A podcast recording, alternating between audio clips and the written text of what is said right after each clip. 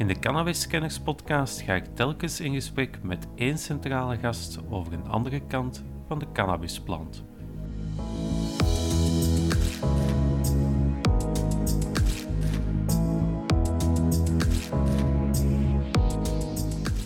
Soms lachen ze een beetje en zeggen ze van Yves, je zet cannabis aan het verkopen als de nieuwe aloe vera.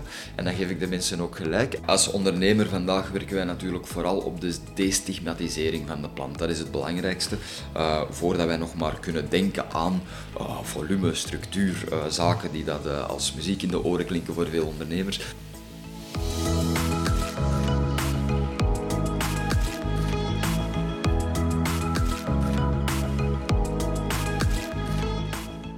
Gast in deze 30ste aflevering is Yves Konen, ondernemer in de legale cannabisindustrie.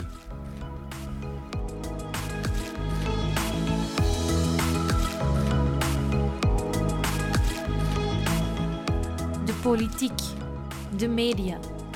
Overal horen we dissonante stemmen over het gebruik van cannabis. Tijd om de plant onder een ander licht te houden. Welkom bij Cannabiskenners. Goedemiddag Yves Konen. Fijn dat je te gast wil zijn in, uh, in de podcast. Misschien kan je toch even starten met jezelf uh, voor te stellen. Goedemiddag uh, Daan, dank je om mij te ontvangen hier. Uh, dus ik ben Yves, ik ben een cannabisondernemer. Um, of een cannapreneur, zoals ze dat soms noemen. Ja. Uh, ik ben ondertussen een vier à vijftal jaar actief op de uh, cannabismarkt, uh, zowel Belgisch als Europees. en mijn voornaamste onderneming is de Herborist. En wij maken huidverzorging en gezonde producten op basis van cannabis, die dat wij hier in België en Europa op de markt brengen. Ja, oké. Misschien eventjes kaderen, omdat ja, cannabis, cannabis hierin associeert het met, met het roesverwekkende uh, product, hè, de roesverwekkende cannabis. Nu, die is tot nu toe nog altijd illegaal in België. Wat mag er eigenlijk wel juist in België wat betreft de cannabisplant? Ja, eigenlijk uh, is het belangrijk om, het eerst Europees te bekijken. Europees is er gesteld, uh, en dat is eigenlijk ondertussen bijna wereldwijd, dat de industriële hennepplant, wat ook een variant van cannabis is, uh, met minder dan 0,2% THC, dus dat roesverwekkende stofje, zolang dat daar minder dan 0,2% in de plant aanwezig is, valt de plant niet onder de categorie drugs. En is de plant dus vrij verhandelbaar, zal ik maar zeggen. Waar moet er daar rekening mee gehouden worden? Uh, dat je natuurlijk niet zomaar producten uh, als rookwaren, als voedingswaren mocht verkopen. Uh, dus daar zit hem vandaag het probleem een beetje. Dat is de Uh, het zit hem eigenlijk in de productcategorieën. Dus om even duidelijk te zijn, uh, cannabis over zijn algemeen is in Europa onder de 0,2% THC legaal. Maar in België mag je het bijvoorbeeld roken, omdat de Belgische overheid het onder tabak heeft uh, geplaatst. Je mag het niet uh, consumeren als voeding in België. Europa stelt dat het een novel foods is, een nieuwe type voeding waar dat aparte licenties voor moeten gegeven worden. Uh, of derogaties noemen we dat ook wel. Uh, en die worden niet gegeven vandaag. Lidstaten mogen per land dat omzeilen. Dus we zien bijvoorbeeld in Nederland dat CBD-olie wel een voedingssupplement is. In België zien we dat het geen voedingssupplement is. Um, het product blijft legaal. Dus in België zie je dat die producten worden verkocht, zolang dat het etiketje klopt en dat het erop staat niet voor consumptie bijvoorbeeld, dan is het in theorie voor de wet legaal. Dus heel de cannabisplant is legaal, zolang dat die maar onder de 0,2% THC bevat en dat je daar geen foute claims op maakt. Dat is het belangrijkste. Dus in, in landen waar dat het nog niet als rookware is vergund, mag je het ook niet verkopen als rookware. Daar mag je het dan misschien wel als thee verkopen, omdat het als voeding is vergund. En zo zit er eigenlijk een, in een enorme chaos in Europa vandaag. Ja, ik kan me voorstellen, dus, dus om, om eventjes te kijken, hè, tussen Nederland en België. Hè, in, als ik correct ben, in, in België mag je de toppen verkopen als rookwaar, mag, mag je geen olie verkopen. In Nederland mag je wel de olie verkopen, maar niet de toppen. Ja, dat klopt. Dat klopt. Dat is eigenlijk uh, ja, dat is mooi gesteld. Dus we, we, de, de, de echte cannabisstoppen, uh, die dat wel roesverwekkend zijn, die worden uiteraard in de koffie. Ja, ja oké, maar dan hebben we het nu even over de niet-roesverwekkende. Ja. voilà. Ja. Uh, maar nee, de niet-roesverwekkende variant, die valt in Nederland voor de overheid onder diezelfde uh, sfeer van uh, het gedoogbeleid. Mhm. En die vind je dus niet in de tabakswinkels uh, of in, in rookwarenwinkels terug, terwijl dat in België wel het geval is. In Nederland daarentegen kan je dus wel een hennep-thee kopen in de winkel, dat is perfect legaal. Mhm. Een CBD-olie kopen, dat is perfect legaal. Terwijl dat, dat in België dan weer niet mag. hier mag je de plant roken, je mag hem niet drinken in een theetje. Ehm, CBD-olie mag verkocht worden vandaag, maar het mag niet onder de noemer um, voedingssupplement of medicijn. Wat moet je daar dan aanhangen als toen? Uh, niet voor consumptie vandaag. Oké, okay, uh, dus ja. om, om de ramen mee te wassen, bij wijze Voilà, om de ramen mee te wassen. Ja. Um, nee, dus dat is inderdaad een groot probleem en ik denk dat de politiek zich daar wel van bewust is vandaag. Ja. Um, uh, maar je spreekt over, we mogen het wel verkopen als rookwaar. Hè? Aan welke regels moeten jullie dan specifiek houden als het gaat over rookwaar? Uh, dus dat valt onder de categorie tabak. Uh, Mhm. um, om specifieker te zijn, andere uh, rookbare kruiden andere dan tabak. Um, dat wil zeggen dat wij een, uh, een gezondheidswaarschuwing moeten vermelden op het Mhm. pakje, dat daar een accijnszegel op moet hangen, Mhm. dat die producten ook uh, verpakt moeten worden in een douane-entrepot. Um, dus dat is een, een entrepot dat continu gecontroleerd kan worden, waar er alles mooi afgesloten staat Ja. en waar een bepaalde workflow flow wordt gehanteerd. Um, en daarnaast moeten wij natuurlijk zien dat wij geen reclame uh, maken, dat wij niet online verkopen. Uh, dat zijn allemaal zaken die belangrijk zijn. En dan om even terug te keren naar daar juist. Uh, in de rest van Europa zien we dat die cannabisbloemen om te roken, die cannabis light, hè, waar je niet high van wordt, dat die nog altijd verkocht wordt onder potpourri of onder een Dat was vroeger in België toch ook zo, hè? ja, in, tot, uh, tot uh, midden 2019. Mhm. Daar heeft uh, de Belgische overheid um, heeft daar een, een decreet uitgeschreven dat dus die bloemen onder de tabakswetgeving plaatst. Maar in andere landen is dat dus niet gebeurd. Vandaag kan je nog perfect gewoon je computer open doen, naar een Franse of een Zwitserse webshop gaan, kan je die CBD-bloemen voor de helft van de prijs, omdat die mensen dus geen accijnzen betalen, online kopen en worden die mooi naar je thuis verzonden. Dat is geen enkel probleem. Oké, oké. Ehm, is het voor jullie, want je, je spreekt inderdaad over, uh, uh, mag maximum 0,2% THC in zitten. Ehm, lijkt me toch heel moeilijk om, om, om die standaard te bereiken, of, of, of lukt dat vlot? Hè? Want ik, ik hoorde dat je het eerste producten moet wassen, klopt dat? Of, Ja, dus om, ter, ter verduidelijking, uh, om de bloemen of de rookwaren af te splitsen van de, um, de cosmetica en de olies en, en noem maar op. Voor die uh, tweede categorie is dat heel gemakkelijk, omdat we daar met extracties van de plant uh, werken die dat in laboratoriums worden gemaakt en daar kunnen wij heel fijn gaan kiezen welke cannabinoïden dat we gaan toevoegen. Mhm. Het is ook daarom dat we vandaag in Europa uh, CBD, CBG, bepaalde cannabinoïden mogen gaan toedienen in cosmetica en um, dat is voor heel Europa zo. Dus daar is al een beetje uniformiteit Mhm. over. Ja. Voor die bloemen is het inderdaad moeilijk Eerst en vooral al omdat we in Europa niet overal dezelfde waarden hanteren. Dus Euro Europees gezien zeggen we 0,2 procent. Nu is dat onlangs gewijzigd naar 0,3 procent om in lijn te zijn met de, um, een beetje de internationale um, uh, wetgeving daar rond. Mhm. In Amerika zien we ook de 0,3 uh, klassificering voor industriële hennep. ja. Dus vandaag staat dat op 0,3. Nu, België houdt nog altijd de marge 0,2 voor de rookwaren. In Italië staat, en in Griekenland staat die ondertussen op 0,6. En in Zwitserland staat die op... 0,5, hè? Uh, of 0,5, excuseer. Ja, ja, ik dacht het. Dank u om mij te. Uh, en in Zwitserland staat die op 1%. Ah, oké. Uh, dus, dus voilà, we zien dat er binnen Europa al verschillende percentages worden gehanteerd. Mhm. Iets wat dat in mijn ogen een beetje uh, zinloos is, omdat een percentage werkt een beetje zoals bij alcohol. Um, dus ja, is 0,2 niet genoeg voor jou en wil jij 0,6, dan ga je drie keer zoveel gebruiken en dan ga je uiteindelijk dezelfde dosis THC binnen hebben genomen. Mhm. Uh, hè, dus, dus, en er staan al geen grenzen op hoeveel dat je van die rookwaren mag kopen.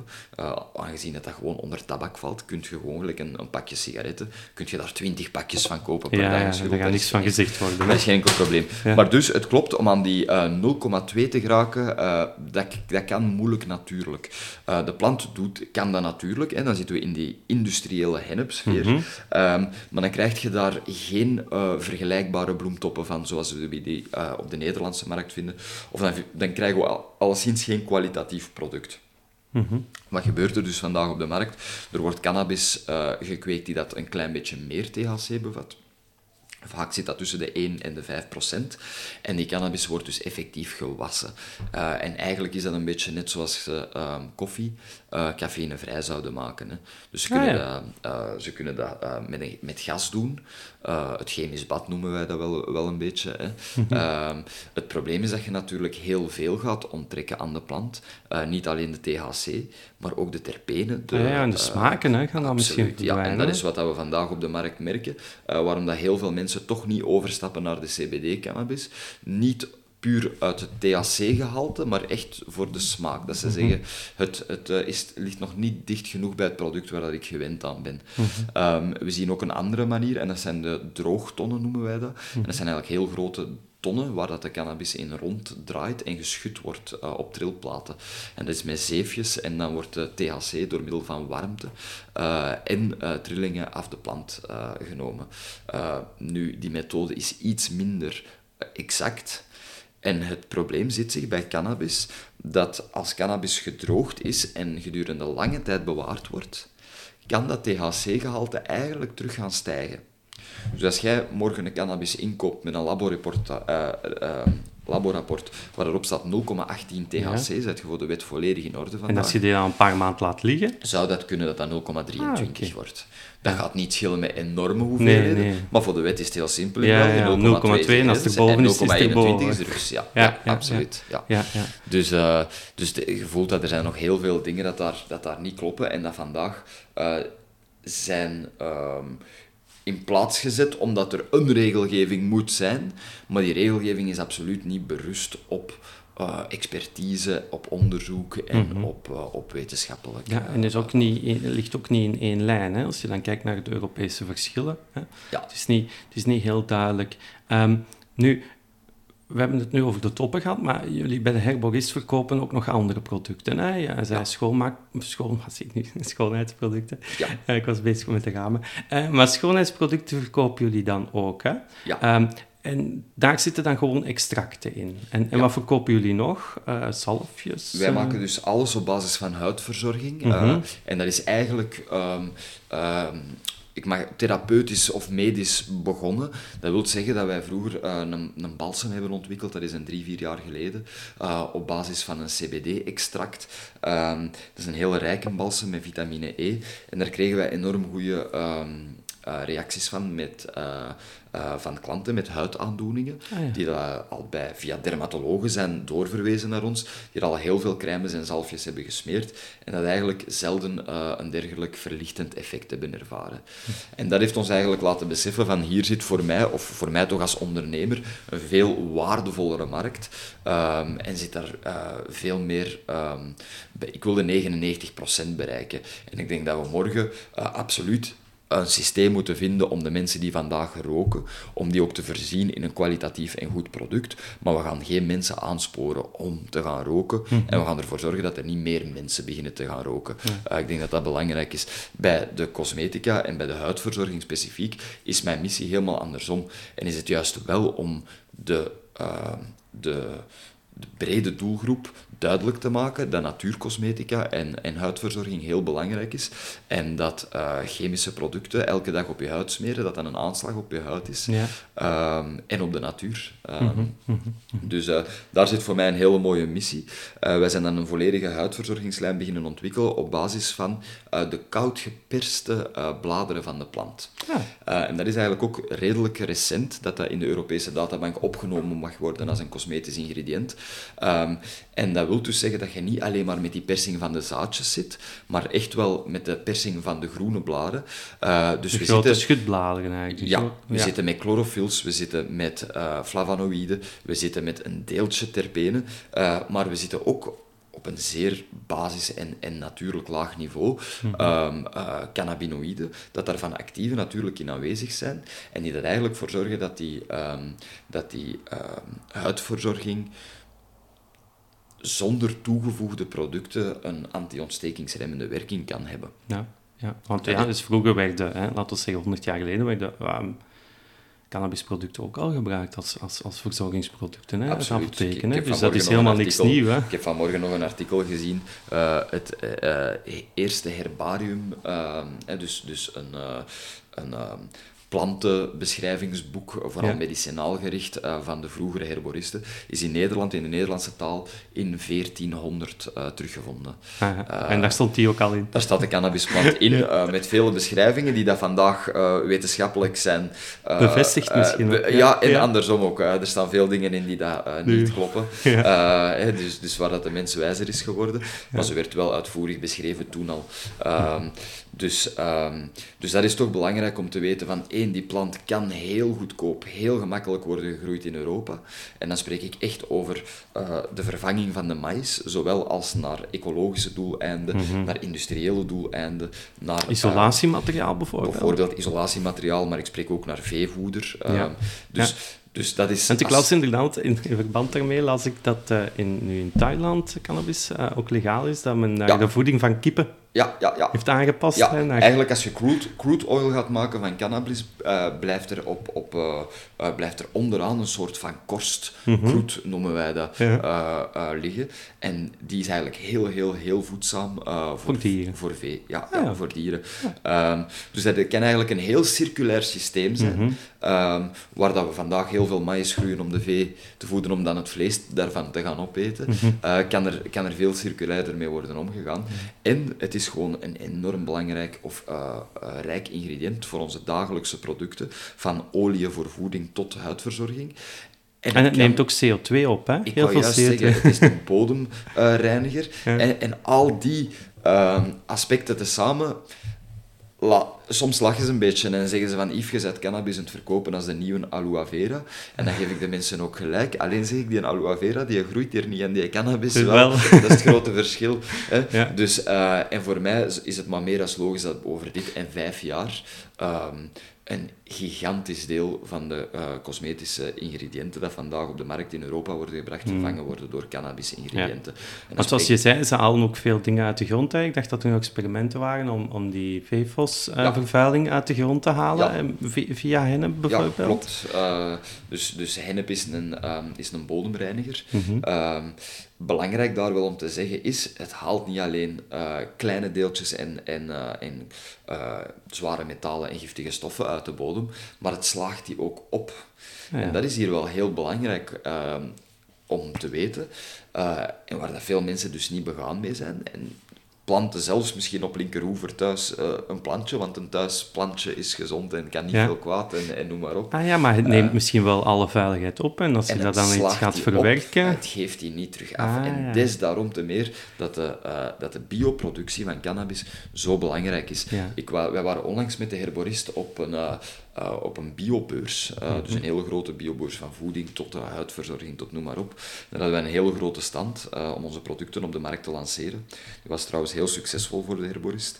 En eh, ik heb daar ook op, een- op de conference eh, gesproken, voor de conferencezaal, over cannabis in de biosector om er eigenlijk op te duiden dat er, eh, dat er daar een gigantisch probleem is. Want vandaag een heel groot deel van de cannabis dat wordt gebruikt voor gezonde producten. Want ik, ik vermoed dan, eh jij kent ook een paar mensen dat CBD-olie nemen. Ja. Die mensen doen dat niet om high te worden. Die mensen Nee, doen nee, nee, uit nee, dat is gezondheids- gezondheidsoverwegingen. hè. Voilà, absoluut. En dus dat is heel vaak met geïmporteerde hennep waar dat geen certificaten op zitten eh, en dus waar dat niet op gecontroleerd is of dat die ver- verontreinigd zijn met zware metalen. En dat is wel enorm belangrijk, ja, juist in, in dit geval. En daar zit er, voor mij wringt het schoentje nog een beetje... ehm, eh, Is daar dan te weinig controle op, wil je daar is zeggen? te weinig controle op, op. op de kwaliteit van de productie? Ja, omdat industriële hennep dat vandaag wordt ingevoerd eh, in Europa, wordt als industriële hennep ingevoerd. Mhm. En of dat die voor voeding wordt gebruikt of niet voor voeding, dat is eigenlijk een kwestie die dat niet... eh, het is pas als uw voedingsproduct af is, zal ik maar zeggen, dat je een controle kunt krijgen Dat Mhm. is op misschien wel laat dan, hè? Het is een beetje laat en we zien dus vandaag dat er bij heel veel van die CBD-producten op de markt, dat er daar inderdaad te weinig controle is en Mhm. dat er daar heel veel verontreinigde producten tussen zitten. Die producten bevatten misschien wel een juist percentage CBD en een correct percentage THC, Mhm. eh, wat dat trouwens voor voedingssupplementen op 0,05 ligt, niet op die 0,2, dat is nog een heel Ah groot dat is verschil. Als je in Nederland een CBD-olie koopt met, eh, die dat met een legaal ticketje, gaat die op is dat 0,05 zijn. 0,05. Terwijl Ah, als ja. je in België een eh, CBD-olie koopt, gaat die vaak nog aan aan die 0,2 uh, grens Maar dan staat daar gewoon op dat het niet om... Dat het niet voor consumptie is of zo bijvoorbeeld. Ja, inderdaad. Ja, want ja, bijvoorbeeld als we nu uh, vanuit Australië kiwis invoeren, bij wijze van spreken, die gaan uh, veel beter gecontroleerd worden dan, dan, dan, Ja, op dit moment wel. en, en vandaar dus op die conferentie dat ik daarop, daarover heb gesproken. En... Ehm, het zou een heel mooi experiment zijn. Er zijn voor mij twee oplossingen. Ehm, en dus ofwel moet de cannabis dat gebruikt wordt voor voedingsdoeleinden, um, moeten mensen de kans krijgen om die, of nee, ik kan het anders zeggen, moet die misschien zelfs verplicht biologisch gekweekt worden. Ja. Dat zou de eerste plant zijn ter wereld waar dat, dat uh, bij bepaald wordt. Uh, maar het kan bij cannabis, want cannabis heeft nu eenmaal geen uh, bepaalde uh, voedingsstoffen of, um, of um, ik ben de naam even kwijt, uh, maar onkruidbestrijders en zo ja, nodig. Ja, ja, Cannabis is het sterkste onkruid Insecticiden. Uh, Pesticiden. Ja, onder andere. Uh, maar ook, ook voeding, hè, die dat ze wel gaan toevoegen bij andere bepaalde planten. Dat is hier niet nodig. Dus, dus de plant kan van zijn eigen he heel gemakkelijk biologisch gemaakt worden. Mm -hmm. um, het, het bijkomende probleem is dat de extractie dat we gebruiken voor uh, cannabisolie te maken, bijvoorbeeld, mm -hmm. die, laat niet, die is niet biologisch. En dus, omdat wij aan die extractie uh, passeren, Mhm. mm -hmm. kunnen we geen biologisch labeltje meer op onze CBD-olie ah, plakken. ja, ja, ja, omdat die dat extractieproces door moet en ja. dan komen daar geen andere ja. stoffen bij en dan kan je dat niet meer garanderen. Mocht je nu rechtstreeks, hè, zonder dat je die extractie moest doen... Ja, bij de koude persing maken. kan het wel. Dus voor onze cosmetica doen wij koude persing en daar kunnen wij een biolabel... Uh, al onze producten zijn vegan en staat een biolabel op. Maar bij de voedings... Bij voeding kan dat niet. Kan dat, dat, is een CO2-kritische extractie. Mm -hmm. uh, soms doen ze het ook wel met ethanol of met butaan. Mhm. Mm. In elk geval, uh, het laat niet toe om daar nog een Mhm. biolabel op te kleven. Ah, okay. uh, dus, dus dat waren mijn twee opties eigenlijk, ja. dat, ik, dat ik heb besproken op die conferentie. Ofwel moet er een biolabel voor cannabisproducten komen, wat dat mij heel omslachtig lijkt. Mm -hmm. Ofwel moet er gewoon gezegd worden, cannabis voor voeding en voor medicijnen moet biologisch geteeld worden. Ja. Ja. En dat zou volgens mij een gemakkelijke oplossing zijn, uh, waar dat bestaande uh, telers natuurlijk de kans moeten krijgen gedurende een aantal jaren om hun productieproces aan te passen eigenlijk. Absoluut. Ja, ja. Uh, maar het lijkt mij mogelijk voor deze plant. Het, zou, het zou een mooie first-off zijn, ja. in mijn ogen. Um, wij, het, het, woord is al een beetje gevallen, voeding. Hè? Je, je, zegt zelf, ja, eigenlijk cannabis verwerken in, in, in voeding mag eigenlijk, wettelijk gezien, in België niet. Nu, ik las enkele weken geleden, uh, ik denk dat het in Knak was, een, uh, een boeiend artikel hè, over een project dat jullie samen zijn gestart ja. met, een, uh, met een, een chef ja. uit, uh, ja. uit Anderlecht, denk ik, ja, om, om, om, om, toch iets met voeding te doen. Kan je dat wat meer uitleggen? Ja, als ondernemer vandaag werken wij natuurlijk vooral op de destigmatisering van de plant. Dat is het belangrijkste. Uh, voordat wij nog maar kunnen denken aan uh, volume, structuur, zaken die dat als muziek in de oren klinken voor veel ondernemers, moeten wij vandaag echt nog op destigmatisering inzetten. Um, dus om het kort te schetsen, ikzelf, ik heb de herborist, dat is mijn hoofdactiviteit, uh, gezonde producten op basis van cannabis voor biowinkels, apothekers, noem maar op. Daarnaast heb ik samen met een collega of een vernoot van mij, Jurie Perneel, ja. uh, een winkel in Antwerpen overgenomen, ongeveer een jaar geleden. Dat is Flora Point. Uh, en daar verkopen wij dus uh, onder andere die producten van de herborist, maar ook onder andere de rookwaren. En de vaporizers. De vaporizers ja. is, is enorm populair bij ons. Hè. Iets waar ja, we is dat achter iets, staan. Is dat iets waar, waar jullie ook... we gaan zo dadelijk verder over de voeding, hè, maar omdat we het nu over de vaporizers eventjes hebben... is dat voor jullie iets, iets belangrijk dat je ja. tracht om mensen toch van naar roken richting Absoluut. een vaporizer te duwen? Absoluut. Mhm. Uh, dus roken is schadelijk, of dat het nu cannabis, tabak, uh, lavendel of wat dan ook is. Ja. Uh, het is altijd schadelijk en dat weten wij natuurlijk ook. Wij proberen mensen ook niet aan te sporen om te beginnen roken Mhm. of om verder te roken, in tegendeel. Uh, en dan zien we dat heel veel mensen dat bij ons komen, die cannabis gebruiken omdat ze zeggen van ik wil af en toe nog eens iets roken, ik wil af en toe eens rustig worden, maar die cannabis van Nederland is te zwaar, ik rook geen sigaretjes, nee, niet meer, noem maar op. Mhm. um, en daar gaan we eigenlijk dus enorm aansporen om een dry herb vaporizer te gaan ja. gebruiken. Dat is een soort van machientje waar dat je je, je droge cannabisbloemen insteekt en het uh, verbrandt niet meer, maar het verdampt die bloemen en je ademt eigenlijk alleen de dampen uh, ja. binnen. Op een specifieke temperatuur, hè. Zelfs te kiezen en dan ook van de temperatuur af welke cannabinoïden of, Juist, of verdampen, terpenen, ja. eh, welke stoffen dat er zich eh, meer gaan omzetten. Mhm. Eh, het leuke daaraan is dat de smaak beter en natuurlijker vrijkomt. Ja. Dus we hadden het er juist al over die CBD-cannabis, dat vaak Ja. gewassen wordt, dat zijn smaak, een beetje mist. verliest. Als je dat in een dry herb vaporizer of een sublimator is eigenlijk het mooie juiste... Nog nooit van. Ja, sublimator is eigenlijk het mooie Nederlandse woord. Eh, dan, dan zien we dat die smaak veel beter eh, vrijkomt, omdat die terpenen eh, Mhm. minder verbrand worden. Hè. Dat zijn belangrijke stoffen. En heel veel mensen hebben daar een enorm positieve eerste ervaring mee. Mhm. Slagen er door dat toestel ook in om het roken van tabak of cannabis volledig te stoppen. Mhm. Het beste voorbeeld is onze winkelmedewerker. Dat is een bekende DJ ook. Het is altijd een serieuze cannabisroker geweest en rookt vandaag niets meer. Vapet alleen heel Ja. af en toe is een droog bloemetje en dat zit. Dat zien we ook in Amerika. Ik heb, ik heb onlangs een interview gedaan met iemand van het VAD.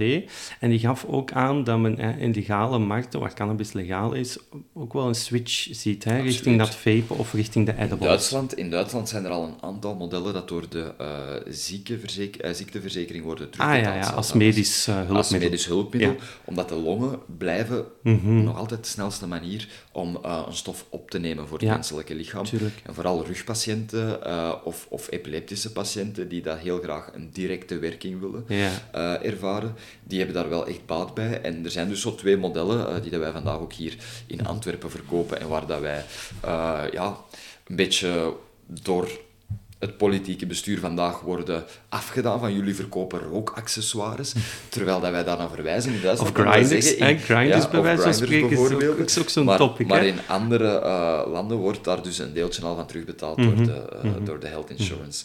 Ehm, dus voilà, dat is heel interessant. En dat zijn producten dat wij daar inderdaad verkopen in een juist concept. Eh, Mhm. Nogmaals, wij zijn, wij, hebben, wij zijn nu meer dan een jaar open daar. We hebben nog nooit een geval van overlast gehad. Of, Nee. of, En dat, dat kennen wij niet. En om een idee te geven, het grootste deel van ons cliënteel is 40 plus. Hè, om eh, een idee te geven. En dan spreek ik over 60% van Ja, onze klanten. ja. Dus, maar dat is dus een van de ondernemingen. Ja. Maar we gaan terug naar de voeding. Ja, ah, wel, voilà, ik was dat dus aan het uitleggen. Ik heb de herborist, we hebben samen Florapoint. Ja. Jurie Perneel, mijn ver- vernoot, heeft Pure CBD en, eh, en heeft de verdeling van die rookwaren eh, Mhm. in België. Ehm, en daarnaast zijn er een aantal concepten waar dat we nog gezamenlijk mee bezig zijn voor die destigmatisering. En Mhm. Ja. dan spreek ik dus onder andere over een cannabisfederatie, maar ik spreek ook over ehm, een concept dat we onlangs hebben gelanceerd, de Cannachef. Ehm, en dat is eigenlijk een idee geweest van, dat we allemaal al eens hebben gehad, stiekem. Ja, Eh, eh, voilà. Een jongensdroom, Eh, een jongensdroom. Maar Jury, per, Jury zat nu eh, eh, onlangs bij de twee-sterrenchef eh, David Martijn van La Paix eh, te eten.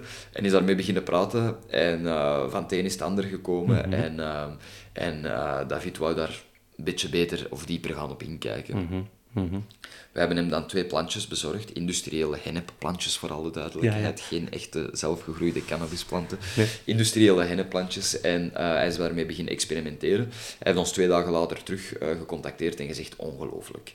Ik heb Ja. nog nooit een kruid in mijn handen gehad waar dat ik zo boeiende dingen mee En kan wat, doen wat van gebruikt hij dan in, in zijn recepten? De zaden, de bladeren? Hij gebruikt de- alles. De zaden, ter verduidelijking, de zaden mogen vandaag al gebruikt worden trouwens in de keuken, Eh, maar delen van de, van de plant zelf mochten niet gebruikt worden. Dus de bladeren, En- de toppen, dat mag ja, allemaal. en dat zijn zaken waar dat hij mee gaan werken is. Mhm. Eh, nogmaals, het gaat niet over de THC-CBD, het ging puur over de smaakpapillen, Ja, dus over ja. de terpenen. Ehm, Daar kan je ook al veel mee spelen, hè? want elke soort heeft ook zijn eigen terpenen. Elke fruitsoort terpenen is iets dat in nature overal Ja. aanwezig is. In een dennenbos het beste voorbeeld eh, om mensen terpenen te laten kennen, zeg ik altijd, eh, kijk naar Vix. Eh, eh, als je een verstopte neus hebt, Ja. dat middeltje dat je op je borst smeert. Wij herkennen daar eucalyptus in. Het actieve bestanddeel van eucalyptus is eigenlijk alpha-pineen en is een terpeen. Mhm. Een terpeen dat heel veel voorkomend is in een dennenbos, maar de eh, op één na, of misschien de derde meest voorkomende terpene in cannabis ook is. Samen met eh myrceen en beta-carothyleen Mhm. vormen die drie eigenlijk de hoofdgroep van terpenen, die dat we ook in hop, in fruitsoorten eh, en noem maar op In terugvinden. pastis heb je dat ook, hè? Zit dat daar ook niet? Daar heb je ook terpenen in. ja, door de... door de ik weet niet meer wat pastis juist wordt gemaakt, maar dat is... eh, ben de naam even kwijt. Ah, maar geen probleem. Ik lust het niet. ik Eh, ook niet. anijs. Anijs, dat is het. Dat is het. Anijs, Anijs is en dat het, komt ja. dus ook van eh, kruiden en van planten eh, die dat heel sterk in terpenen aanwezig zijn. Mhm. En bepaalde terpeenprofielen gaan maken dat wij een smaak of een geur ervaren. Ehm, heel goed voorbeeld is een citroen en een limoen. Is heel dicht bij elkaar, maar toch een beetje anders. Dat is Mhm. omdat er eenzelfde type terpeenprofiel met een beetje verschillen eh, is. Cannabis, daar kennen we ondertussen meer dan 3000 profielen eh terpenen. En is ook de plantensoort dat de mens kent met, het meeste, eh, met de meeste aanwezigheid van terpenen. Heel interessant daar ook om te weten, Daan, en iedereen dat meeluistert. En vooral de politiek, alsjeblieft, luister hier naar. Ze zeggen nu al jaren van, we hebben een probleem met cannabis omdat de THC-percentages stijgen. Mhm, Niemand vraagt daarnaar, hè, voor alle duidelijkheid. Nee. Het grote probleem is dat bij de beste Chateau Pape du Neuf een alcoholpercentage van 13% een ideale is en een consistente is. En dat we dat bij de slechtste wijn van 4 euro, van het onderste schap van de Albert Aldi. Heijn, gaat dat ook een alcoholpercentage van 13% zijn. Dat bestaat in cannabis niet, want de productie van terpenen die bevindt zich in die trichomen waar dat zich ook de cannabinoïden gaan eh, produceren. En dus hoe meer dat wij gaan doorkruisen, dat wij lekkere variëteiten willen ontwikkelen, dat die planten een hele goede productie hebben van smaakstoffen, gaan die ook een hogere productie hebben van cannabinoïden. En eigenlijk zien we daar vooral dat dat gepaard is gegaan in de afgelopen jaren. En dat er door het eh, ontbreken van een legaal kader en bedrijven dat daar legaal mee mogen experimenteren en op mogen inzetten, dat er eh, cannabis strains of variëteiten ontbreken met lage THC of cannabinoïdeproductie en hoge terpeenproductie. Ja, maar dat, dat, dat wordt nu ook hè, veel meer onderzocht en, en daar blijkt uit dat, dat de rol van terpenen zeker niet mag onderschat worden. Nee, hè? medisch gezien is het enorm belangrijk en ook naar het effect van cannabis. Ja, Ik kan ook. u dat door vier, vijf jaar eh, marktervaring zeer duidelijk stellen dat het effect dat je van cannabis krijgt, en dan bedoel ik of dat je happy wordt, of dat je wat meer loom Ja. wordt in de zetel wilt gaan liggen, of heeft heel weinig, heeft bitter weinig te maken met het CBD en het THC-percentage. Maar meer met die terpenen, terpenenpalet. Ja, heeft absoluut met het terpenenpalet te maken. En dan komen we dus terug tot ons Cannachef-project, Ja. waar dat we zeggen, die terpenen, dat is zo belangrijk, en zonder de mensen high te maken, of zonder de mensen Mhm. relaxed te maken met CBD, gaan we de- willen we de mensen al eens de plant laten proeven. Weer al die destigmatisering. Ja, absoluut. Ehm, en ehm, hij is dus eh, begonnen met, van, met een, eigenlijk een volledige zeven gangen menu te ontwikkelen op basis van die cannabisplant. En was hem lekker? Eh, Je het hebt het was- toch geproefd? Ja, het was ongelooflijk lekker. Ja? Eh, ik ben zelf eh, een, een plantaardige eter, dus Ja. het was voor mij moeilijk, want het was natuurlijk allemaal met vlees en vis ook Ah, ja, afgezien daarvan heb ik alles opgegeten en, en was het enorm lekker. Was de smaak van cannabis niet heel doordringend. Nee, maar want dat heb je soms wel. Hè? Dat, Ja. dat, dat, dat- hè, als we dan kijken Ja. naar, naar hè, de, de grootmoeder Space Cake ja, en dat voilà, soort zaken. voilà, hè. daar proef je dat heel hard. Dan proef je dat heel hard. Wat ook heel vaak wordt aangehaald, hè, nu dat we bij smaken zijn, dat de combinatie cannabis en, en chocolade. Ja. Dat is zo'n klassieker. Ja, dat is klassieker. Heeft hij daar dus- ook mee gespeeld, met die combinatie? Of niet? Ja, hij heeft op het dessert, eh, heeft hem daar een van de twee laatste dessertjes, was. Mhm. met eh, chocolade. Ehm, En wat viel voor jou best in de smaak? Welke combinatie? Eh, cannabis met? ehm, eigenlijk weer de... Hij heeft een bepaalde soort ehm, extractie of eh, olie gemaakt van Mhm. de persing van het blad. Ehm, en ja, bij een visgerechtje, dat was zo'n olie dat daarbij lag. Ah ja, En weer al geproefde cannabis, niet heel extreem, maar Mhm. hij zegt zelf van, haalt de cannabis hieruit... het is een heel ander... Het is een volledig ander eh, gerecht. Dus hij zegt zelf van, het is, het is niet eh, ik dat mijn menu moet omvormen naar die cannabisplant. Het is eerder andersom, de cannabisplant dat mijn menu naar een hoger niveau Mhm. Ja. tilt. Puur die ervaring, die experience daar rond, dat waren twintig gasten dat we Ja. konden uitnodigen. Eh, dat was in een privé-setting uiteraard, Ah, want we mogen dat Nee, dus nee, nog tuurlijk. niet verkopen vandaag. Het FAVV moet geen schrik krijgen. Eh, Het gaat niet in de lijst liggen nee, morgen. Nee, het gaat niet in de lijst liggen en eh, het staat nergens op een, op een, op een publieke Ja, menukaart ja. vandaag. Eh, maar hier en daar willen we mensen uitnodigen en, en dat onder een privékader doen. Nogmaals, er zit daar geen drugs in dat eten. Mhm, Nee, nee, nee, dus, nee, nee. dus er gebeurt En, en, heeft hij ook in, in drank gewerkt? Met, Nee, in de drank zelf heeft hij nog niet gewerkt. Mhm. Eh, er zijn wel een aantal Belgische brouwerijen, dan spreek ik vooral over bier. Ja. Eh, hop- Maar of in frisdrank bijvoorbeeld? Ook in frisdrank, ja. Wij hebben nu net zelf eh, bij een jonge ondernemer met de groep een eh, eh, stuk ingekocht eh, bij Ease Drinks. Mhm. Eh, dat is omdat we daar enorm sterk in geloven. Calm is the new busy. Eh, dus eh, er is een hele markt voor de energy drinks. En weer al, die zien we dan in Nederland, in Amerika zien we allemaal energy drinks met cannabis, Ja. waar dat wij onszelf de vraag stellen van... Waarom kan dat hier niet? Ja, en, en nog even ah, specifiek daarop, waarom een cannabis drink met een energy drink combineren? Die twee gaan Dat is voor een ons beetje een heel rare combi, hè? die gaan voor ons niet samen, die, Nee. die combo. Eh, net gelijk dat wij vinden dat alcohol en, en cannabis samen toch ook mee opgelet Nee. moeten worden. Ja, Ehm, en energy drinks gaan, gaan volledig niet samen. Eh, nu, dat is een ondernemer dat de juiste visie heeft gehad en die zegt ik wil een calm down drink, hè, om de adrenaline-niveaus naar beneden te krijgen na een drukke werkdag, na een sportsessie, noem maar op. Eh, dat is een drankje zonder toegevoegde suikers. Eh, dus dat is toch ook al... Mag, mag, mag dat dan? Hè? Want dat is- valt dan toch ook onder voeding? hè? Dat mag wel. Waarom? Omdat daar gedroogd hennepzaad-extract in zit. Dus we Ah. zitten daar met dat drankje natuurlijk nog niet helemaal waar dat we willen zitten. Ja, en in ja, de komende jaren kijken wij zeker om dat drankje verder met cannabinoïden te ontwikkelen. Ja. Maar vandaag zit daar gedroogd hennepzaad-extract in. Eh, en dat komt dus van het hennepzaad. Ah. Ehm, dat mag wel, ja. en ja, dat, mag, dat mag wel. Eh, daar zit ook L-theïne in bijvoorbeeld. Dat kalmeert een beetje. Daar zit ginseng in. Er zitten geen toegevoegde suikers in. Mm, Dus het is, het is vooral eh, de boodschap dat we met dat drankje meegeven. Het is ook een gezond drankje. Het is lekker. Het is een hele lekkere mixer eigenlijk. eh, om En ook weer hè, destigmatiseren misschien. Hè? en de destigmatisering, Ja, we- ja. wederom. Eh. Voor ons heel belangrijk. En dat allemaal samen gooien wij nu in die Next Gen Group ei- eigenlijk, Mhm. eh, Brands, eh, Cannabis Brands United. En daar zijn wij ondertussen toch de grootste speler eh, in, in België op Mhm. vlak van cannabis. Eh, en draaien we vandaag vermoedelijk met alle bedrijven samen een 5 miljoen euro omzet Mhm. ongeveer op de Belgische markt. En hè, om nu terug te komen op die voeding, hè, de, de, de chef, hè, de canna-chef.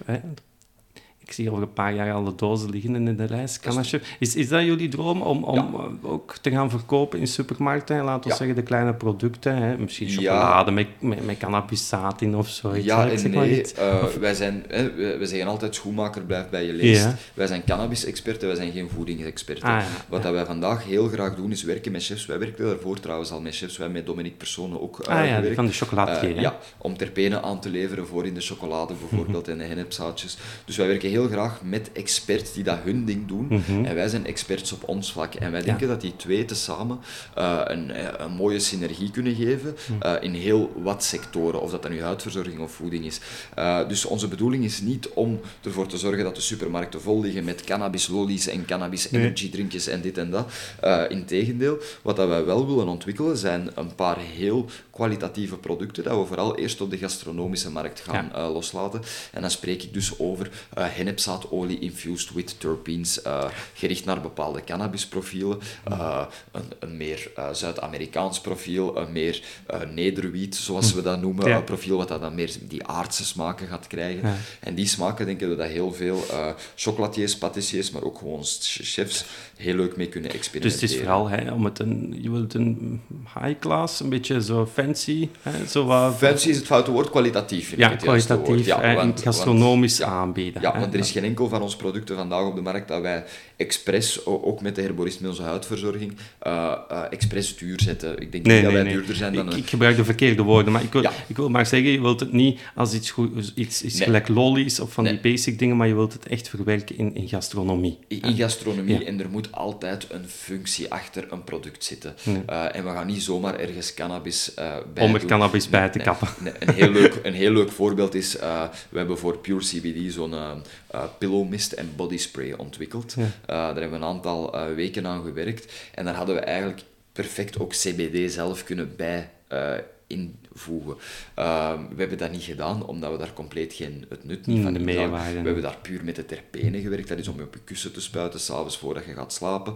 Ehm, dat is een beetje een homeopathisch effect, kalmeren samen met lavendel. En daar gaan we dus een cannabis-terpeen profiel selecteren dat heel gekend is om zijn kalmerende eigenschappen. Eh, die CBD gaan we daar dan niet toevoegen. Eh, dat Is zou- dat moeilijk om terpenen uit cannabis te halen? Is dat een moeilijk proces? Het is een redelijk duur proces vooral, Eh, omdat die terpenen natuurlijk in kleine hoeveelheden aanwezig zijn. En vergeleken, hè, percentueel zitten die in heel kleine...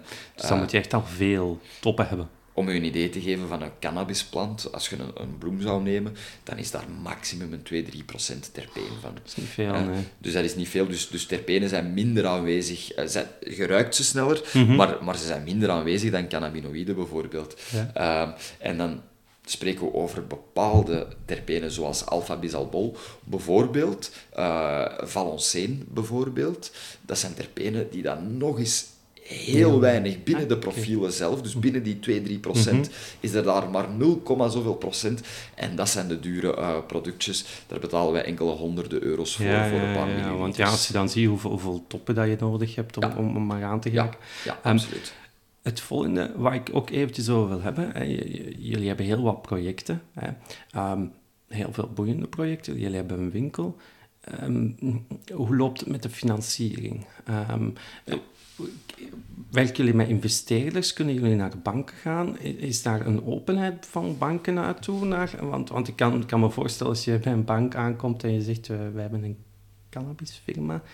Het is een hele, hele ehm, belangrijke vraag dat je mij inderdaad hier nu stelt. Uh, nee, wij hebben daar gigantisch veel problemen, dat is een groot woord. Uh, maar als, als gezonde onderneming hebben wij daar problemen mee, ja, absoluut. Mm -hmm. uh, dus we zijn stadium 1 wel voorbij. Stadium 1 was een paar jaar geleden, dan kregen wij zelfs geen bankrekening. dus we hebben bij verschillende grootbanken een rekening gehad en dat heeft altijd een paar weken tot hooguit een paar maanden geduurd. En dan werd die afgesloten. En dan werd die afgesloten, ja. Uh, omdat er te goed gekeken werd Mm. naar onze uh, type mm. sector. Ja, en zo, ja. ja. ja. Uh, dus na lang onderhandelen en toch een beetje kunnen bewijzen ondertussen dat wij uh, legitieme ondernemers zijn, dat niets op de illegale markt doen, Mhm. mm -hmm. krijgen wij ondertussen een bankrekening. En, moet ik zeggen, en ik ben hier het vasthouden, werken de meeste van onze online betalingssystemen tegenwoordig ook. Ah, ja. uh, want dat was daarvoor ook, hè, dus een Molly en een CP en, en al die dingen, ja. die wouden daarvoor niet meewerken. Uh, die doen dat vandaag wel onder strenge regels natuurlijk. Ja. En die controleren wel echt onze website om te kijken of dat wij overal duidelijk de THC-percentages bij vermelden. Ja, ja, ja, noem maar op. Jullie liggen een beetje toch onder een vergrootglas. Tegenover een andere firma, denk je, laten we zeggen een bouwfirma. tab, tab, ja, tabak en diamant zijn vergelijkbaar met ons, maar inderdaad, dat is een gigantisch probleem. Uh, dat komt er dus eigenlijk op neer dat al onze investeringen vandaag, of onze financiële uh, middelen, dat die van privé-investeringen komen. Ah, ja. Want de bank leent ons, zelfs, nogmaals, al maken wij morgen 100 miljoen euro winst, de bank leent ons geen euro. Dus het enige wat jullie van de bank krijgen is een rekening. Een rekening. En misschien ook een verzekering om jullie winkel te verzekeren of zo, tegen brand. Of, of... Ja, dat is dan niet via de bank dat we dat doen, maar ja, een verzekering... Dat zullen ze nog ja, wel doen. Ja, de verzekeringmaatschappijen doen niet moeilijk. Ja. Um, um, dus maar dat, investeringen, uh, leningen... Dat is het grote probleem, vooral voor jonge ondernemers Ja. zoals mijzelf. Ik ben nu al vier jaar bezig. Um, uh, ik heb al een paar keer mooie successen gehad uh, met, deze, met, met, mijn route binnen deze industrie, maar ook al een paar keer tegenslagen. En op zo'n momenten heb je als bedrijf toch een beetje een buffer nodig. Um, ik heb een mooie investering gevonden, omdat we natuurlijk sterk hebben gewerkt aan een goed product, een mooi businessplan, een mooi financieel plan, noem maar op. We hebben investeerders gevonden. Um, maar vandaag merk ik wel, één, dat de meeste van die investeerders in het buitenland zitten. Mm -hmm. En twee, dat wij heel veel interesse krijgen uh, van buitenlandse uh, investeerders of ondernemingen die al een stuk verder staan op dit gebied. Mhm. Mm -hmm. uh, en dat België daar een beetje achter blijft. Je bedoelt dat, dat, dat buitenlandse investeerders, laten we zeggen Amerikaanse, Canadese bedrijven, zich een stukje willen inkopen in de Belgische, in, in, ja, in jullie bedrijf, maar de, vanuit buiten, van ja, het binnenland En niet alleen de Amerikaanse en de Canadese ja. bedrijven, maar dan spreek ik ook over Scandinavische bedrijven, waar dat wij vandaag mee uh, gesprekken zijn aan het voeren. Mm -hmm. uh, dus in, in het begin was dit allemaal heel uh, draagbaar. Uh, we beginnen in een nieuwe sector met een nieuw product. Je vindt je start-up centjes en je begint daar vol goede moed aan en dat lukt. En dan opeens komt je verder in sectoren. Vandaag verkopen wij aan de mediamarkets, aan apothekers, aan de grote biowinkels, aan distributeurs, noem maar op.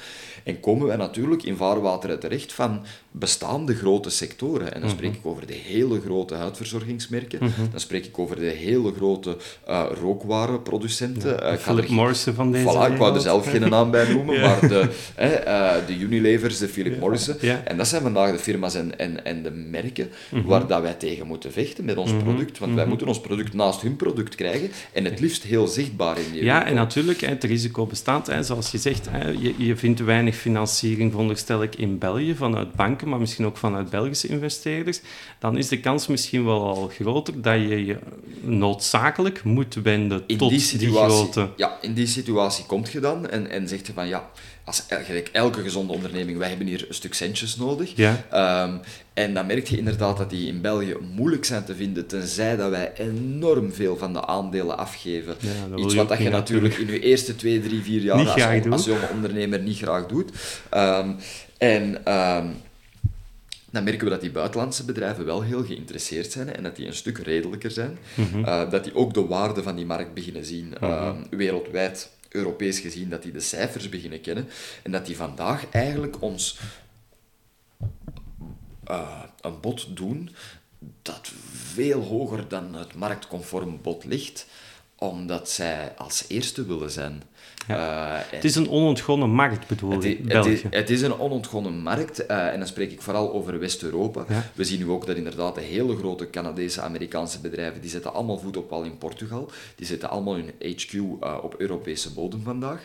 En dat is, in België hebben wij heel veel mooie ondernemingen die dat eigenlijk Europees gezien en misschien zelfs wereldwijd enorm kunnen uitgroeien. De nieuwe AB InBevs, zal ik maar zeggen, van de wereld, maar dan op dit vlak. En we zijn ervoor gekend. We zijn gekend voor cosmetica, we zijn gekend voor medicijnen, we zijn gekend voor kwalitatieve ehm, ehm, eh, OTC-producten, zal ik maar zeggen, over-the-counter producten. Ehm, dus we hebben die kans om daar heel mooie bedrijven. En vandaag is de kans heel groot, en ik spreek nu even voor mezelf, maar dat bij de Herborist een heel groot deel van de aandelen toch naar Scandinavië, naar een heel groot beursgenoteerd Scandinavisch bedrijf zullen gaan. Omdat zij de enigste zijn dat ons vandaag een realistische kans op eh, een gezonde eh, werking Groei, geven. ja, Ja, in ja, groei. Ehm, en dat is een beetje... eh, Dat is een iets- jammere zaak, hè? dat is een boodschap dat ik toch altijd, als wij politiek worden uitgenodigd ergens op een debat, dat ik toch altijd probeer mee te geven. Het probleem is niet dat die Belgische investeerders niet willen investeren. Die voelen nog een beetje te veel onzekerheid. Net hetzelfde met die. Ja, voilà, net hetzelfde met die banken. En die Mhm. Zeggen dus, wij kunnen nog niet... Oké mannen, dat is allemaal goed en wel dat jullie gezonde producten verkopen, huidverzorgingproducten, maar wij, wij, wij, er zijn nog te veel onzekerheden Mhm. voor ons. Eh, en er zijn te veel zaken waarmee dat jullie toch de wet kunnen overtreden. En dan zijn wij eh, drugs eh, Mhm. Ja. aan het financieren. Ja, iets wat dan natuurlijk kwats is, een beetje. Maar Maar ja, het, het is de terughoudendheid en het is dan natuurlijk terecht. Hè, dan moet je de politiek daar een beetje op aanspreken. Hè, van, van ah, we moeten deze markt toch wat ruimte geven, want anders Ja. gaan we eigenlijk al onze know-how en onze waarde verliezen aan het buitenland. Ja, Ja. en die ruimte die moet zelfs niet enorm zijn, want ik denk dat de ondernemers dat er vandaag mee bezig zijn op de Belgische markt. Ik, kijk weer, ik mag niet voor andere ondernemers spreken, ik kijk naar mezelf, maar we zijn daar op desdanige manier mee bezig dat, dat wij graag morgen heel strenge re- regels krijgen, een kader krijgen, want wij werken al in zo'n moeilijke sector eh, en markt dat wij het dagdagelijks gewoon zijn om ons aan te passen, om compliance dossiers te maken, om ons in regel te stellen. Ja. Eh, ik denk dat er weinig ondernemers op de markt zijn die dat zich zo graag in regel willen stellen als veel cannabisondernemers Is dat eigenlijk een grote markt? Ik heb daar totaal geen zicht op in België. Zijn er eigenlijk veel cannabisondernemers? Ja, er zijn toch redelijk wat cannabisondernemers, dat is niet te onderschatten. Ik denk dat we vandaag in België met een, eh, dat is natuurlijk niet enorm, maar met een 150-tal bedrijven eh, Mhm. zitten.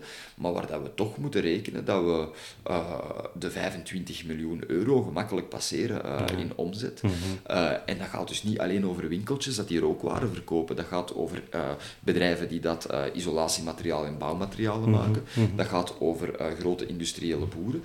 Dat gaat over bedrijven dat zich puur medicinaal met de plant bezighouden. Ja, Eh, dus Daar las ik onlangs ook nog een artikel over, hè, over het medicinale aspect, hè, dat, dat men daar ook in problemen zit. Ik dacht een bedrijfje in Kinrooi, eh, die medicinale cannabis. En ja, door het gebrek aan regelgeving moeten zij al hun toppen importeren vanuit Nederland. ja, En dan kunnen ze ze pas verwerken tot olie, hè, om, omdat er niks toegestaan is voor THC-cannabis te kweken in dat is medicinale Dat is een uitschietertje geweest in België. Ehm, eh, ik ga weer al geen namen noemen. Uh, dat is een heel mooi project geweest, een, een research facility, uh, die dat ook gelinkt is geweest aan een universiteit.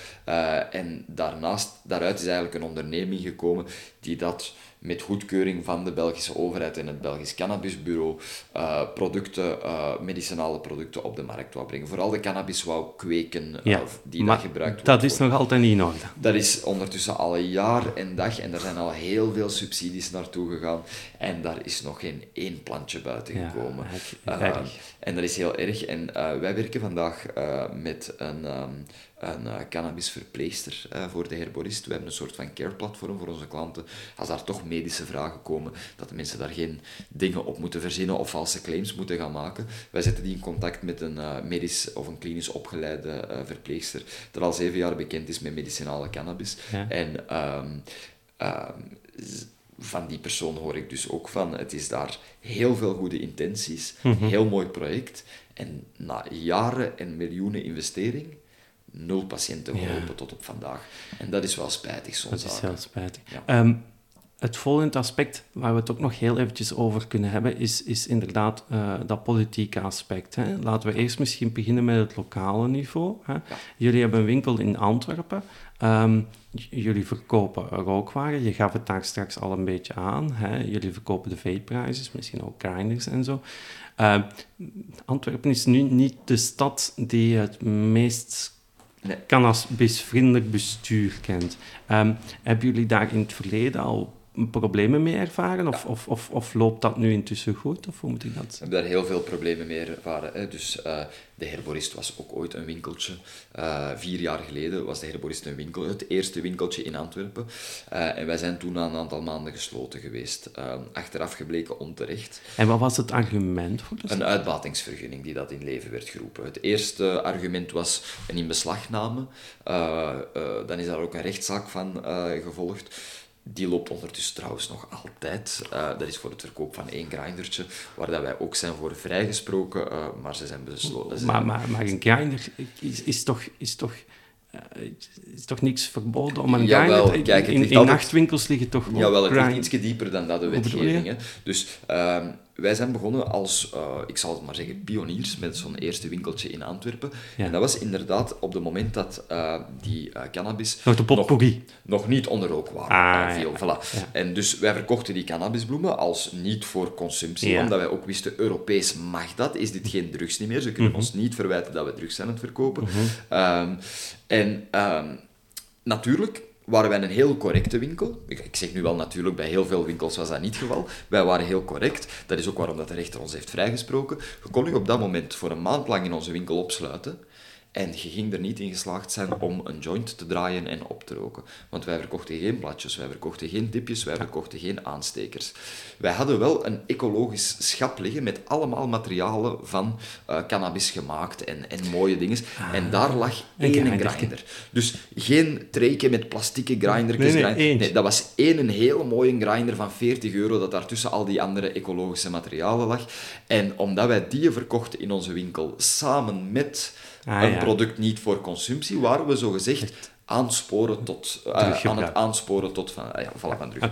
Nu, nogmaals, wij verkochten geen blaadjes, geen tipjes, dat lag ook niet in de winkel. Dus die rechter zegt ook van, uh, die mannen hebben ja, toch een beetje hun best proberen doen. Hè. Uh, we gaan die volledig over de volledige lijn vrijspreken. Mm het stad is in beroep gegaan en dat wordt nu uitgesteld en uitgesteld. Dat gaat over een rechtszaak van 2019. Ik heb daar vandaag nog altijd geen...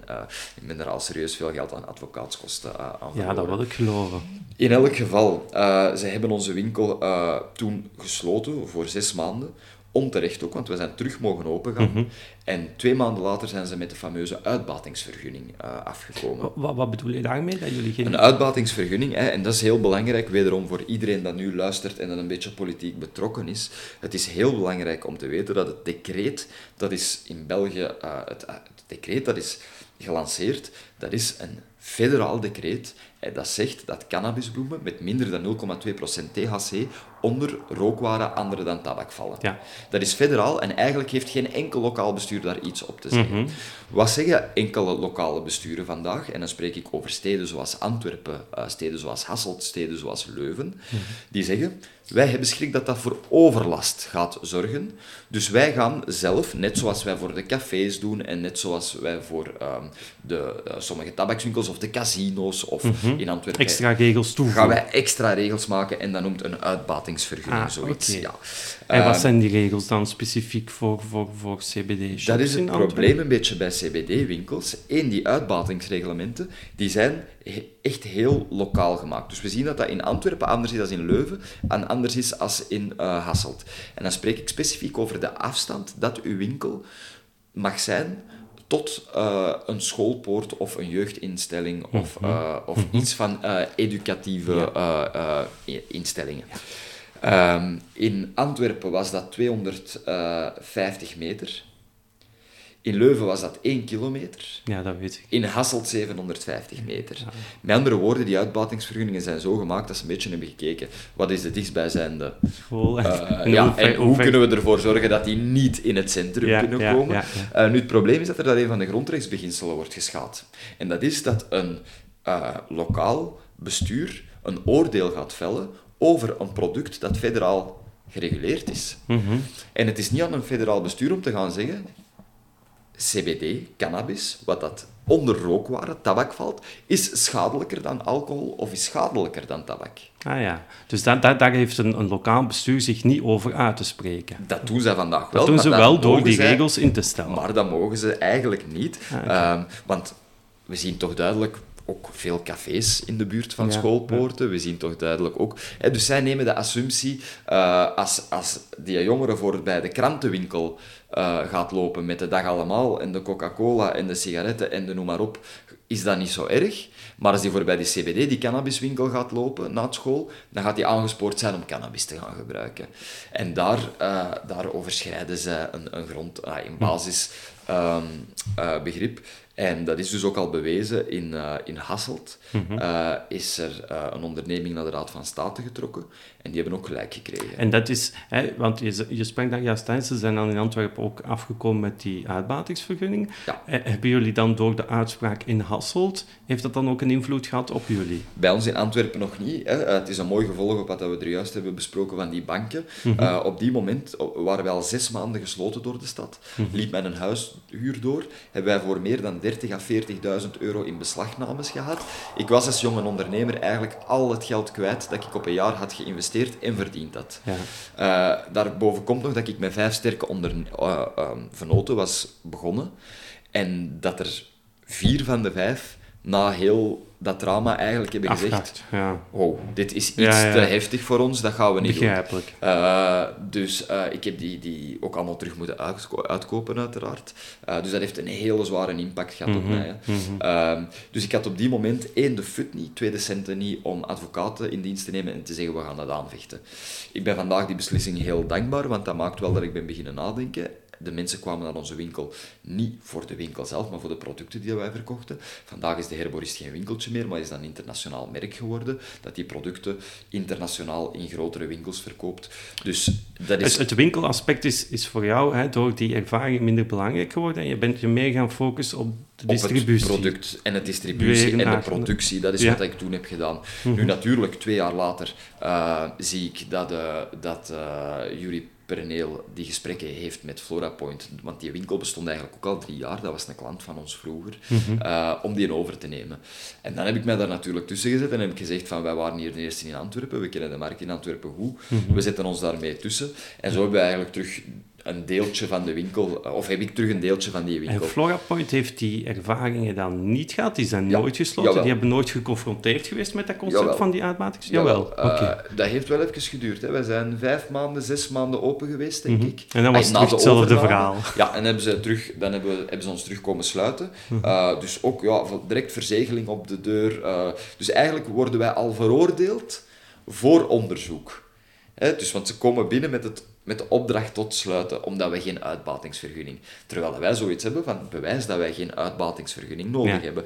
Ehm, wij stonden ondertussen natuurlijk al iets sterker. ehm, Mhm, En we hebben dit keer wel advocaten en juristen onder de loep genomen. En gewonnen? Ehm, en het, het is zelfs niet tot een rechtszaak Ah ja, Laat ons het zo stellen. Ja, ja, ja. Dus we zijn in discussie kunnen gaan met de stad Antwerpen. ja, en Eh, het is niet tot een kunnen rechtszaak vinden. en we hebben een middenweg kunnen vinden. Eh, dat is ook deels omdat wij, eh, onze groep, de Next Gen Brands United, deel uitmaakt van een internationale onderneming eh, die dan al meer dan 70 werknemers heeft eh, in totaal.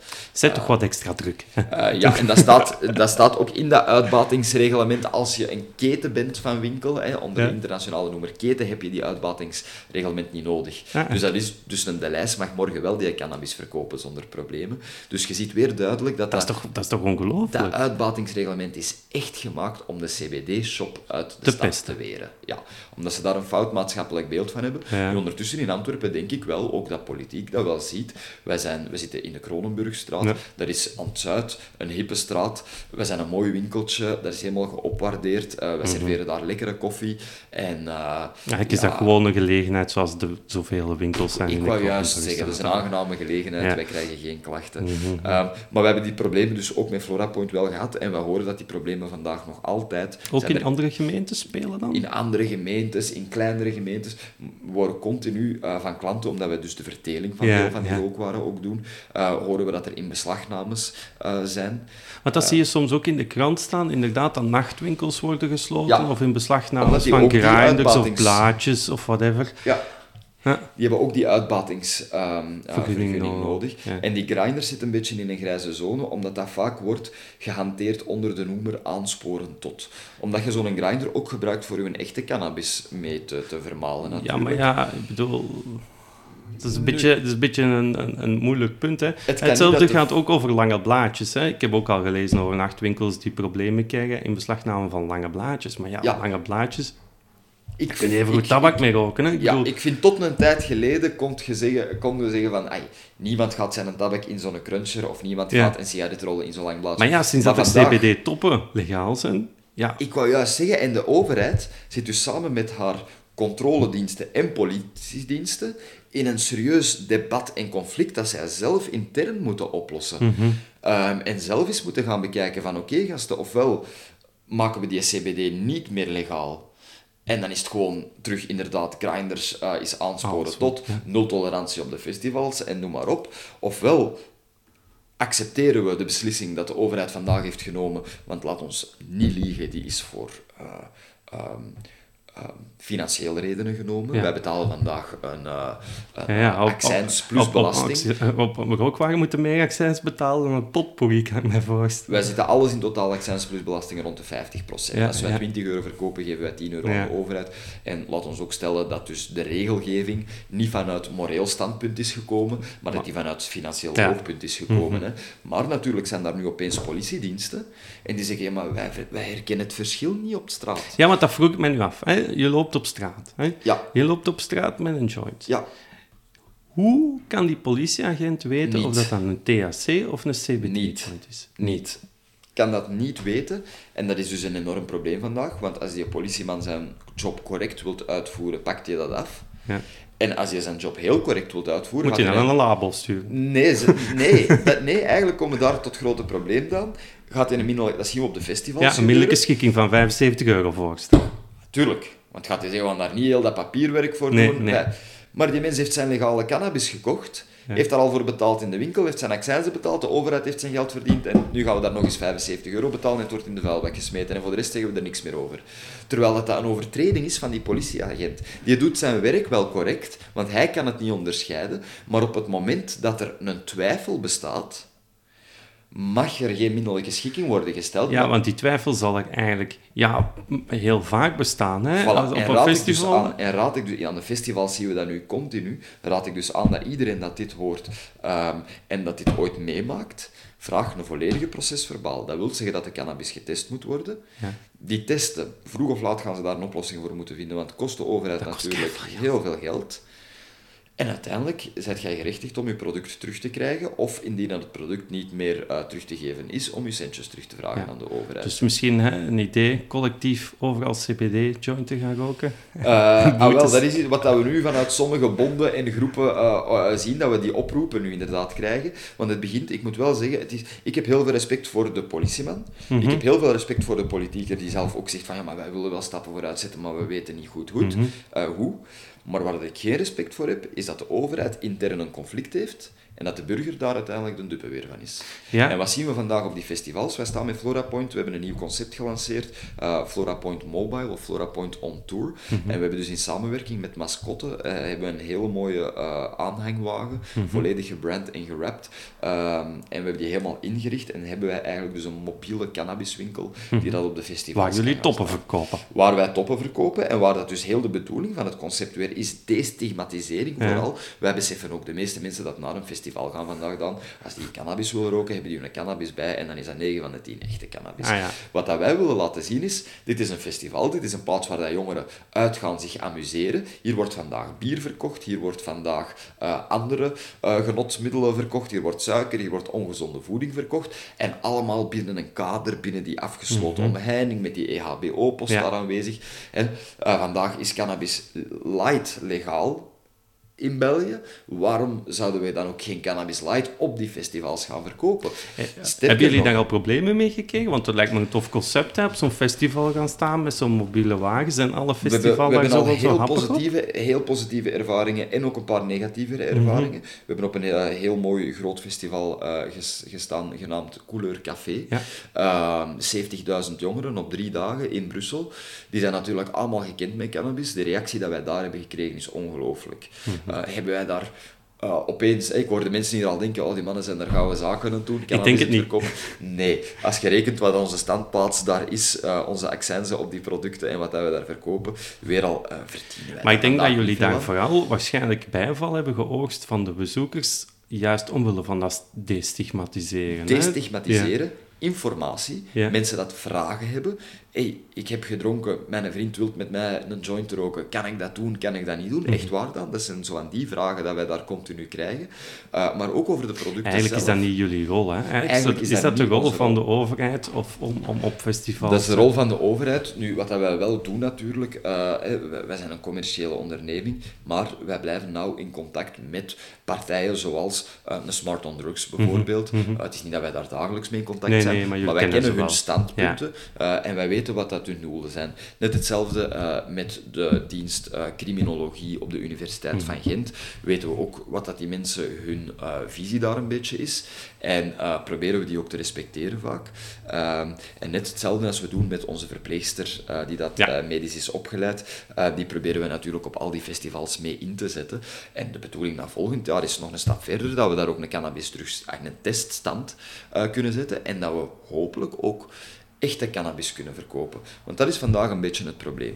Ons streefdoel is nul tolerantie aan de ingang. En als men cannabis wilt consumeren, kan die op het festival gekocht worden. En dat is hetzelfde eigenlijk zo met alcohol. Met tabak is dat nu niet zo, maar met alcohol wel. Ja, je bedoelt, je mag een festivalwijn niet op met een rugzak vol met, met, met bier, maar je mag wel pintjes kopen op een festival. Is, dat is gecontroleerd, zo gezegd. Is dat, is dat iets wat jullie... Hè, omdat je zegt van, enerzijds die verkoop, maar anderzijds ook dat testen. Hè? Want je, je weet natuurlijk, heel veel mensen, uh, oftewel kweken ze het zelf, oftewel kopen ze het aan via illegale weg. Ja. Um, zien jullie daar een rol voor jullie, als in van, we gaan mensen hun cannabis testen met infrarood uh, technologie? Er bestaan mobiele uh, testapparatuur tegenwoordig. Die, die zijn niet haarfijn nauwkeurig, En wat testen die dan? De, de THC en de CBD-waarden? We kunnen twee dingen testen. We kunnen de THC en de, CBD, uh, de cannabinoïde-waardes testen. Uh, maar daarnaast, en dat is een stukje duurder, maar is in mijn ogen zeker zo belangrijk, kunnen we de schimmelverontreiniging, ah, pesticiden, zware metalen gaan testen. En dat is volgens mij heel mm -hmm. belangrijk. Mm -hmm. naar die festivals toe zien we dat er een beetje een doofpotpolitiek heerst vandaag. Hoe bedoel je? Er zijn festivals dat er heel voor openstaan en dat zeggen welkom. Hè. Ehm, en daar zien we ook dat het heel goed loopt. Wat, wat zijn vandaag de problemen dat we op die festivals tegenkomen? Iemand koopt een pakje CBD op voorhand. Wist natuurlijk ook nog niet dat er een cannabiskraam uh, uh, ging staan mhm, op het mhm, festival. Mhm. En dat wordt afgenomen aan de inkom. Ja. Ook al was dat nog verzegeld. Ja, en, Dat en dan zegt iemand van... Wettelijk ja, is dat echt niet correct, maar Nee. die politieman zegt, ja, maar voor hetzelfde geld heb jij die zegel daar terug over geplakt. En er gewoon een Ik kan dat niet onderscheiden. Ik vind dat een klein beetje bullshit, want dan zouden ze ook alle sigaretten kunnen beginnen afpakken, want wie weet zit daar wel een paar druppeltjes LSD op elk sigaretje, en dan kan die politie ook niet ruiken of zien. Ja, maar Eh, is het niet... Ook, ook in dat opzicht is het niet... Moet je niet eerst... De schuldlast ligt die niet bij... Ja, ja, maar het wordt aan een festivaldeur heel eh, ongemakkelijk eh, en heel gemakkelijk voor de security of de politie om te werken, want ja, als jongere, jij wilt gewoon vooral binnen Ja, natuurlijk. voilà. hè. je wilt Eh, dan niet een uur staan Eh, wachten. eh, dus dat is waarom dat de meeste mensen ook akkoord gaan met die minderlijke Ja. schikking. Maar die komen dan binnen op dat festival en die zien ons daar dan staan en die kopen een pakje. En die zeggen, oeh, maar ik mag dat hier kopen en dat is daar afgepakt. Allee, ja, ik Ja. zal dat maar niet pakje kopen. Dan, niet gelogen, twee uur later is die mens zijn pakje weer afgepakt op het festivalterrein. Want hij was er daar eentje van aan het roken op het festivalterrein. En het pakje was dus al open en die politieman zei, ja, maar ik kan niet herkennen of dat het echt is of niet. Ja, ja. Dus we zien vooral een heel groot probleem bij de politiediensten, die dat ehm, geen... ehm, die, krijgen, die worden natuurlijk aangestuurd vanuit eh, eh, hun overste, maar er is weinig communicatie met de politiek, zien we. Mhm, Heel weinig gegronde colli- eh, communicatie. Want dit probleem gaat op- blijven. Hè? Dit probleem gaat blijven. Ik ga nog een, een, een straffere noemen. Geel. Die zeggen tegen ons, niet welkom. Maar dat is toch het festival waar, waar bij wijze van spreken de lucht, cannabis, ja. lucht eh, Ehm, van de damp vol ja. staat? Wij, wij, wij contacteren de, het gemeentebestuur van Geel en die zeggen, nee, niet welkom. Waarom? Zij respecteren het, eh, het drugssensibiliseringsprogramma van de VAD. Ja, Eh, wat dat ik ook heel ergens volg natuurlijk. Tuurlijk, maar dan moet je consequent omdat zijn Er dan- vandaag nog, omdat er vandaag nog geen... Nee, ik zal het zo zeggen. Toen dat, dat programma van de VAD is geschreven, bestond er eigenlijk nog niet die legale cannabis gelijk dat wij die Ja. vandaag verkopen. Mhm, En dus is er toen altijd gezegd, wij merken dat het minst schadelijke is een soort van tolerantie aan de inkomdeuren. Mhm. Dat wil zeggen, wij gaan sporadisch controleren. Hetgeen wat dat we vinden, gaan we afpakken met onmiddellijke schikking. Hetgeen wat dat we niet vinden, dat laten we passeren en daar gaan we niet te agressief op controleren Ja. als er daar iemand een jointje rookt. Met andere woorden zeg je, er is vandaag in België legale cannabis verkrijgbaar. Wij gaan die niet ter beschikking op het festival stellen, maar indien dat de mensen erin slagen om met hun verontreinigde cannabis de controles te passeren, dan is het oké voor ons. Dan laten we ze doen. Dat is vandaag wat dat de stad Geel en het festival eh, ons melden. Wij hebben daar respect voor. Wij zijn ook niet de partij dat nu gaat zeggen van oh la, en dit moet en eh, artikel ja. in de gazet. Nee, we gaan een keer rustig met de VAD praten. We gaan nog een keer rustig met Smart on Drugs samen zitten om te kijken van kunnen wij samen niet een soort van eh, eventprotocol herschrijven en gaan kijken, natuurlijk samengelinkt aan wetenschappelijk onderbouwde cijfers, eh, kunnen we dit op een meer gecontroleerde manier ter beschikking Ja. stellen voor de Ik, ik, mensen. ik blijf dan inderdaad, hè, ik blijf het dan concreet echt voor me zien. Hè. Mensen die op straat lopen, politieagent houdt hen tegen op basis van de geur en uh, whatever. Hè. Die denkt dat het, dat het THC-cannabis is, maar ik kan het toch gewoon niet bewijzen op dat moment. En niet elke agent gaat zeggen van oké, laten we nu een volledig proces verbaal opsturen, laten we dan nu naar een labo sturen. Ja, Dat is toch on, ja. Ondoenbaar? Daarnaast, daarnaast willen ze ook, en dat, dat zien we bij de meeste politieke partijen, ik spreek niet over alle politieke Nee. partijen, maar is er een consensus over het eh, decriminaliseren van cannabis? Ik spreek zelfs nog niet over het legaliseren, Ja, ik spreek over het decriminaliseren. Dus de logische stap vandaag voor mij is hoeveelheden, kleiner dan 10 gram, 15 gram, 20 gram, zoiets in de aard, die decriminaliseert je. Dat wil zeggen dat dat ook niet meer wordt afgenomen. En je gaat daarnaast vooral meer inzetten op rokersruimtes en ehm, De switch naar gezonde alternatieven. oh, ja, hoe moet ik het zeggen? Ehm, ik denk dat het grote probleem met die CBD vandaag niet is. En we krijgen vaak die reactie van, oh, dus ik mag dat hier gewoon zo roken. En, en dan is ons antwoord altijd ja, in theorie wel, maar er zijn nog andere zaken als het is alleen wettelijk. Er is ook zoiets als het, eh, het, het verstoren van het publieke beeld, van het overlast veroorzaken. En natuurlijk, als jij met uw, eh, uw CBD-joint tussen allemaal gezinnen en kinderen zit, ik snap dat dat een beeld geeft. Hè, dat zou eigenlijk met een sigaret zou dat ook niet Is dat ook hetzelfde? Die hè? Dan discussie- mag dat ook niet. Die discussie, hebben we ook gevoerd. ja, die wordt aangewakkerd nu ook terug. Hè. Mag er nog wel gerookt worden op de terrassen? En Ja, er of geen- op, op de treinstations. Hè? Ja. Dan op de Ja. treinperrons, ik denk dat vanaf Ja. 2023 niet meer mag, zelfs op openluchttreinperrons. En daar zien we heel duidelijk, en dat, dat zien we in andere landen ook, eh, ook op festivals. Ik denk dat Sphinx een van die festivals Mhm. is geworden. Dat is een rookvrij vrij festival geworden. En daar moet je dus als roker op een bepaald... Ja, in een zone gaan staan, eigenlijk. Dus rokerszones, eigenlijk. Ehm, ik denk als die rokerszones in orde worden gemaakt, dat dat mooi, dat dat eh, niet lijkt als beesten in een kotje, hè, eh, Ja, maar dat, dat, eh, dat er wel duidelijk wordt gezegd, dit is een smoke-free zone in, Ja, in, ja. in general en dit is een smoking zone. Ik denk dat we daar het onderscheid... En dat dat ook op festivals moet kunnen. Mhm, Ehm, Ik denk dat je daar wel een onderscheid kunt gaan maken. Ja. Ik Eh, denk dat we het er allebei over eens zijn dat het een markt is die dringend gereguleerd moet Ja. worden en dat het hoge tijd is. Ja. En daarvoor ook de podcast. Ja. Ehm, ik denk dat we het belangrijkste besproken hebben, Yves. Of zijn er nog zaken die je nog wil aanvullen?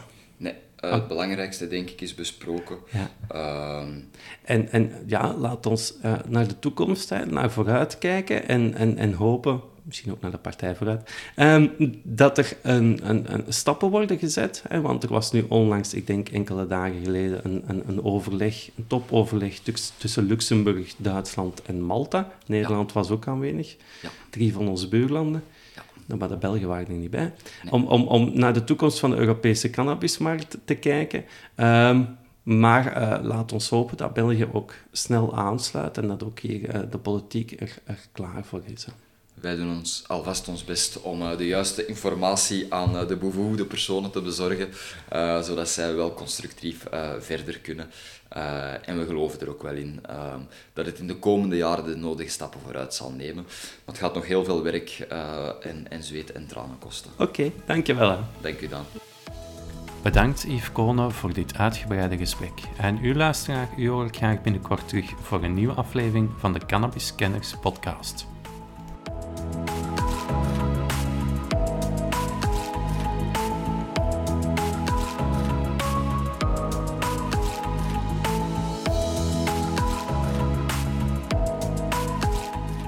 Voor meer podcasts ga naar www.cannabiskenners.be of voeg Cannabiskenners toe in je favoriete podcast-app. Heb je een vraag of wil je graag iets delen? Mail dan naar info.cannabiskenners.be.